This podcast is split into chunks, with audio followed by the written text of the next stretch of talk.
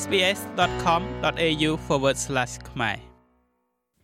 ស្ថាប័នផ្ដល់ប្រឹក្សាលើថ្នាំវ៉ាក់សាំងបង្ការរបស់ប្រទេសអូស្ត្រាលី បានអនុម័តនៅថ្នាំវ៉ាក់សាំងដូសជំរុញពិសេសសម្រាប់អូមីក្រុងថ្មីខណៈដែលករណី COVID កើនឡើងខ្លាំងនៅទូទាំងប្រទេស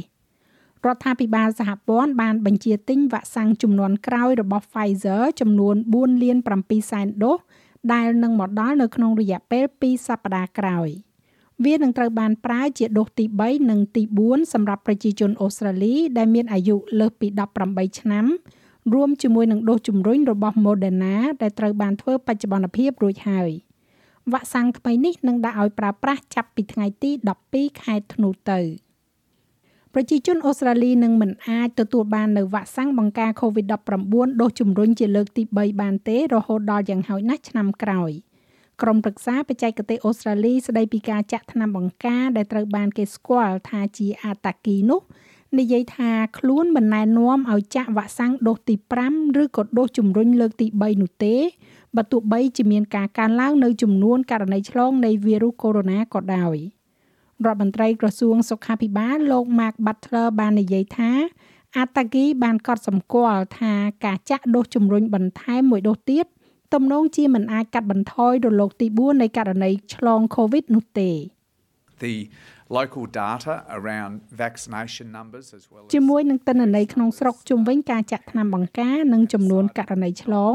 ពួកគេបានសម្រេចចិត្តមិនណែនាំការចាក់វ៉ាក់សាំងដូសទី5ឬក៏ដូសជំរុញជាលើកទី3នៅពេលនេះនោះទេ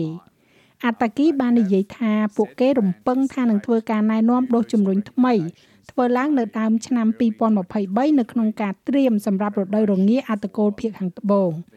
ការថយចុះណាមួយនៃការឆ្លងដោយការបន្ថែមដូសទី5ទៅក្នុងប្រព័ន្ធនេះបើតាមពាក្យរបស់អាតាគីទំនងជានឹងមានតិចតួចបំផុតសេចក្តីសម្រេចនេះស្របគ្នាទៅនឹងការសម្រេចចិត្តរបស់អាតាគីនៅក្នុងការអនុម័តវ៉ាក់សាំង COVID-19 ថ្មីមួយសម្រាប់ការប្រើប្រាស់ដែលផ្ដល់ការការពារពីវីរុសពីរប្រភេទ។ អាតាគីបានអនុម័តវ៉ាក់សាំង Pfizer វ៉ាឡង់2ឬក៏យើងហៅថា B វ៉ាឡង់សម្រាប់ប្រើជាដូសជំរុញវានឹងអាចរកបានចាប់ពីថ្ងៃទី12ខែធ្នូទៅសម្រាប់អ្នកដែលមានអាយុចាប់ពី18ឆ្នាំឡើងលោក Butler និយាយទៀតថាការដាក់ឲ្យប្រើប្រាស់វ៉ាក់សាំងថ្មីនេះมันបានធ្វើឡើងដោយសារតែការកើនឡើងនៃករណីឆ្លងទាំងនេះនោះទេមានការកើនឡើង47%នៃចំនួនករណី COVID-19 នៅក្នុងសប្តាហ៍មុន។ ប្រធានមន្ត្រីវិទ្យាសាស្ត្រគឺលោក Paul Kelly មានប្រសាសន៍ថាមានការកើនឡើងតិចតួចនៃចំនួនអ្នកដែលបានទៅចាក់វ៉ាក់សាំងដូសជំរុញបន្ទាប់ពីមានរលកថ្មីនៃ COVID-19 នេះ Um this wave has been going up for the last few weeks. Uh I រលកនេះបាននឹងកំពុងកើនឡើងក្នុងរយៈពេលប្រមាណសប្តាហ៍ចុងក្រោយនេះ ប្រសិនបើនៅទីបញ្ចប់វាស្រដៀងគ្នាទៅនឹងរលកថ្មីថ្មីនៅសង្ហបុរីហើយខ្ញុំជឿថាវានឹងកើតឡើងនោះវាគួរតែឡើងដល់កម្រិតកំពូលក្នុងពេលឆាប់ឆាប់នេះហើយនឹងធ្លាក់ចុះមកវិញយ៉ាងឆាប់រហ័សខ្លីហើយរហ័សគឺជាអ្វីដែលខ្ញុំចង់និយាយនិយាយតាក់ទងទៅនឹងករណីនេះ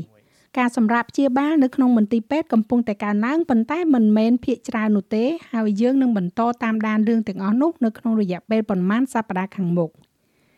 អាញាធរវិទ្យាសាស្ត្របានអនុម័តវ៉ាក់សាំង COVID-19 ថ្មីសម្រាប់ប្រើប្រាស់នៅក្នុងប្រទេសអូស្ត្រាលីដែលផ្ដល់ការការពារពីអំបូរពីរប្រភេទនៃវីរុសកូវីដ -19 ខណៈពេលដែលប្រទេសអូស្ត្រាលីកំពុងតែដោះស្រាយជាមួយនឹងការកើនឡើងនៃករណីឆ្លង COVID-19 ជាលើកទី4ស្ថាប័នប្រឹក្សាវ៉ាក់សាំងឈានមុខគេរបស់ប្រទេសនេះបានអនុម័តវ៉ាក់សាំង Pfizer Bivalent សម្រាប់ប្រើជាដូសជំរុញ។ វ៉ាក់សាំង B វ៉ាឡង់ឬក៏វ៉ាក់សាំងវ៉ាឡង់2ដែលផ្ដល់ការការពារប្រឆាំងទៅនឹងអំបូរប្រភេទដើមនិង variant Omicron នោះនឹងមានចាប់ពីថ្ងៃទី12ខែធ្នូទៅសម្រាប់មនុស្សដែលមានអាយុចាប់ពី18ឆ្នាំឡើងវ៉ាក់សាំងចំនួនក្រោយរបស់ Pfizer នេះគឺជាវ៉ាក់សាំងវ៉ាឡង់2ទី2ហើយដែលត្រូវបានអនុម័តសម្រាប់ការប្រើប្រាស់បន្ទាប់ពីការដាក់ឲ្យប្រើប្រាស់វ៉ាក់សាំង Moderna Bivalent នេះកាលពីខែមុន។ អត្តគីនិយាយថាវ៉ាក់សាំង Pfizer ថ្មីនេះអាចបង្កឲ្យមានភាពប្រសើរឡើងតិចតួចនៅក្នុងការឆ្លើយតបនៃប្រព័ន្ធភាពស៊ាំប្រឆាំងទៅនឹងវីរុសទាំងពីរប្រភេទលោក Mark Butler មានប្រសាសន៍ថាការចាក់វ៉ាក់សាំងជុំថ្មីនេះនឹងក្លាយជាឧបករណ៍មួយផ្សេងទៀតដើម្បីប្រយុទ្ធប្រឆាំងទៅនឹងការកើនឡើងនៃចំនួនករណីឆ្លង លោកក៏បានចេញនៅសារដាស់តឿនដល់ប្រជាជនអូស្ត្រាលីដើម្បីធានាឲ្យបានថាពួកគេទៅធ្វើបច្ចុប្បន្នភាពជាមួយនឹងការចាក់វ៉ាក់សាំងបង្ការជំងឺ Covid-19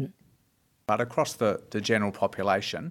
ចំពោះប្រជាជនទូទៅទាំងអស់យើងត្រូវបន្តទទួលបានសារនេះដែលថាយូរយូរទៅការការពារពីដូសទី2របស់អ្នកនឹងចាប់ផ្ដើមចុះខ្សោយទៅខ្សោយទៅ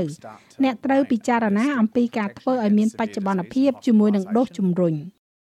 ចាស់ហើយរបាយការណ៍នេះចងក្រងឡើងដោយ Marcus Megalokonomus សម្រាប់ SBS News និងប្រែសម្រួលសម្រាប់ការផ្សាយរបស់ SBS ខ្មែរដោយនាងខ្ញុំហៃសុផារ៉ានីចុច like share comment និង follow SBS ខ្មែរនៅលើ Facebook